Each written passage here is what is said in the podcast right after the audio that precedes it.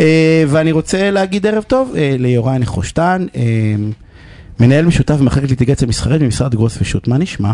בסדר, מה שלומך? יופי, אתה כבר?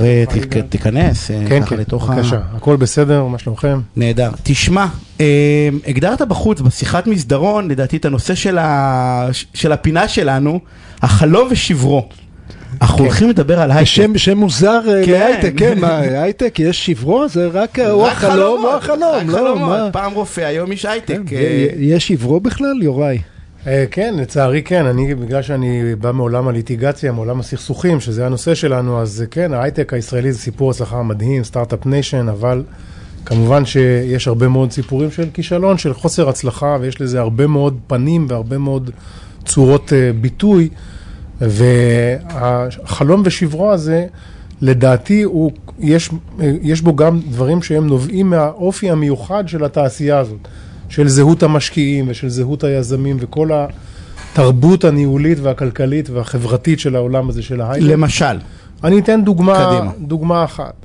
יש למשל, אה, וזה, הכל זה דוגמאות שאני מכיר, כמובן אני לא מספר פרטים מזהים, אבל אני נתקלתי בכל התרחישים האלה.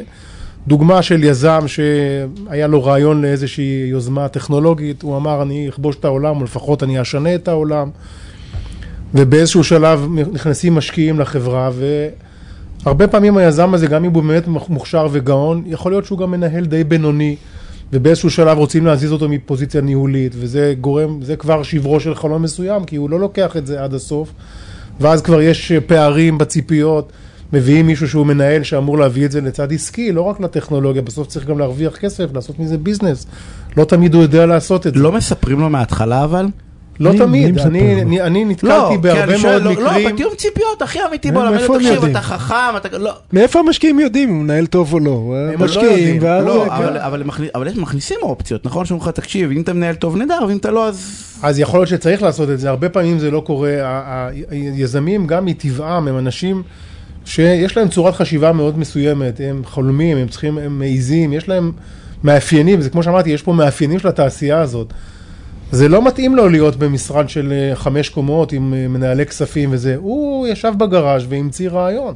המעבר הזה מפה לחברה גדולה שיש בה עשרות עובדים, לא כולם יודעים לעשות אותו בהצלחה, ואז או שדוחקים את רגליו מחוץ לחברה, או ששמים אותו באיזה תפקיד שהוא מבחינתו הרבה פחות טוב והרבה פחות מוביל, והדבר הזה כבר יוצר פוטנציאל אה, לחיכוך. זו, זו דוגמה, דוגמה אחת. פוטנציאל החיכוך שאיך נג... תמשיך רגע את זה, שאיך נגמר.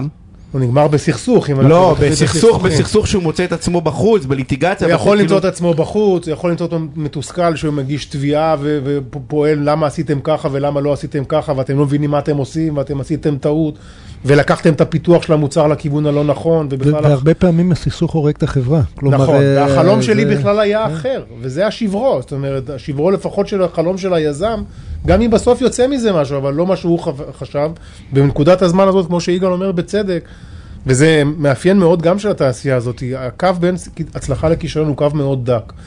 ולוחות הזמנים בתעשיית ההייטק, זה לא, אין להם סבלנות לחמש שנים סכסוך בבית משפט. אז אם עכשיו רבים לאן החברה הולכת, עד שיחליטו לאן היא הולכת, כבר היא לא תלך, כן. לא יהיה לה לאן ללכת כבר. אז זה, זה דוגמה, דוגמה אחת. עוד דוגמה. דוגמה אחרת שהיא מתפ... גם כן מהאופ... מהדברים האופייניים לעולם הזה, יש uh, החיבורים בין יזמים לבין משקיעים הם חיבורים מאוד לא, לא טריוויאליים. כמו שני אנשים עושים שותפות, אז יש להם איזשהו חיבור, אבל פה יכול להיות לך יזם צעיר שמבין את רוח הזמן ומשקיע מבוגר, סולידי יותר, שבא מעולם תוכן אחר בכלל, בא מדור אחר. והחוסר... אבל יש לו- אבל יש לו כסף. אבל יש לו כסף, והוא אומר. הוא שמע שהטיקטוק הזה זה דבר טוב, אז אולי נשים כסף על משהו שהוא יותר טוב מטיקטוק. הוא לא יודע אם זה נכון או לא, כי אמרו לו, אין לו את ההבנה, כמה שיש לו הבנה בעסקים בכל העולם שהוא עסק בו, העולם הזה זה סינית בשבילו, וזה גם יוצר פער ציפיות מסוים.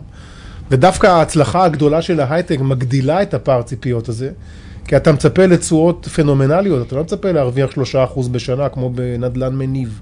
אתה מצפה שזה יהיה יוניקורן, מה, איך למה לא פותרים- יוניקורן? איך פותרים את ה- את הפער דורות הזה? זה לא פשוט אה, לפתור את כן. הפער. את הפער אתה מניח הדורות הזה. בשאלה שאפשר. אה, לא, אני תאר אני שואל, בעיה, לא, כן. אה. זה- זה בעיה שבאה ואומרת, זה בעיה מובנית שיש... יש אני. מכיר סיטואציות של אנשי עסקים ששמו כסף מאוד גדול עם אפס זמן החלטה, זאת אומרת כל עסקה אחרת הוא היה בודק אותה בשבע עיניים, פה אמרו לו תראה זה יהיה הדבר הבא בתחום של סלולר בלה בלה בלה, אז הוא אמר איפה חותמים, אמרו לי שזה טוב.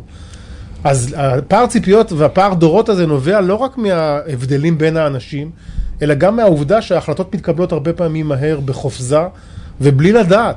כי הפער יוצר גם פער ידע כי הוא לא יכול גדול. להבין, הוא לא יתחיל להבין טכנולוגיות. הוא לא יודע להבין. אבל מה- עכשיו אני מבין מה הבעיה, אבל אם נניח, איך, יש לזה פתרון, אני, דרך אגב זה בעיה לא בהכרח של האיש העשיר, לפעמים זה בעיה של היזם הצעיר, זה- זה- שהאיש העשיר יוכל, לא יגיד יאכל אותו, אבל באיזשהו שלב הוא יגיד, "אוקיי, הבנתי פה שעקצו אותי, אז אני... זה בעיה שמבנית מהסיטואציה, בגלל שכמו שאמרתי, הח- החבירה של משקיעים ויזמים יוצרת חיבורים שהם לא טריוויאליים, של אנשים שהמכנה המשותף שלהם הוא, הוא לא רב, הוא, לא, הוא נמוך, הוא צר. אה, שוב, לא יודע אם יש איזה פתרון, הפתרון קודם כל להיות מודעות לדברים האלה. ולבחור מגשר טוב, יש פה אחד שאני מכיר, אבל זה, זה יותר מאוחר. אבל אתה כן. הלקוחות העשירים, אה, כי במשרד זה בדרך כלל לא זה בהכרח, זה באמת- אתה לא אומר. להם, לא, אתה בא ואומר להם אבל, קחו בחשבון שאתם משקיעים פה. תמיד אני אומר בקרקע חקלאית, זה שיכול להיות כסף שלא יהיה בסיכון גבוה, ללא ספק, זה השקעה בסיכון גבוה, ושוב, הסטטיסטיקות כולנו מכירים, אנחנו קוראים בעיתונים רק על ההנפקות של היוניקורנים, אבל זה אחד מכל עשרים, או אחד מכל, אני לא יודע, עשרה. כן, לפחות אחד מכל עשרים. במקרה ו- הטוב. כן, ו...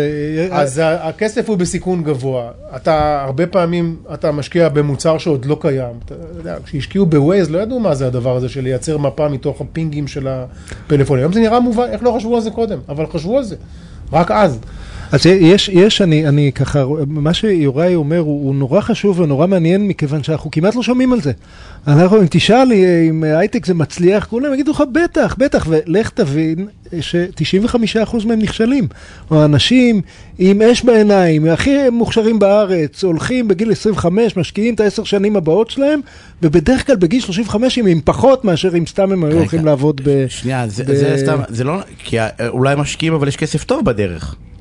אני טועה, אני לא מכיר את העולם הזה, יש כאילו, פרנסה, בסדר. יש פרנסה טובה, לא, אני בא למי, יש פרנסה טובה? ליזם, למי שכנראה השקיעו בו. אבל הפרנסה לא מפצה על החלום ושברו, לא כי החלום הוא הרבה יותר גדול, אנשים באים עם יומרה, לפעמים עם- פייסבוק. לפעמים עם כיסוי, אני לא אומר, אני לא מטיל בזה דופי, אבל אנשים באים עם, אמביציה מאוד גדולה. רגע, ואין כסף לא רגע, סליחה, אני רוצה להתווכח.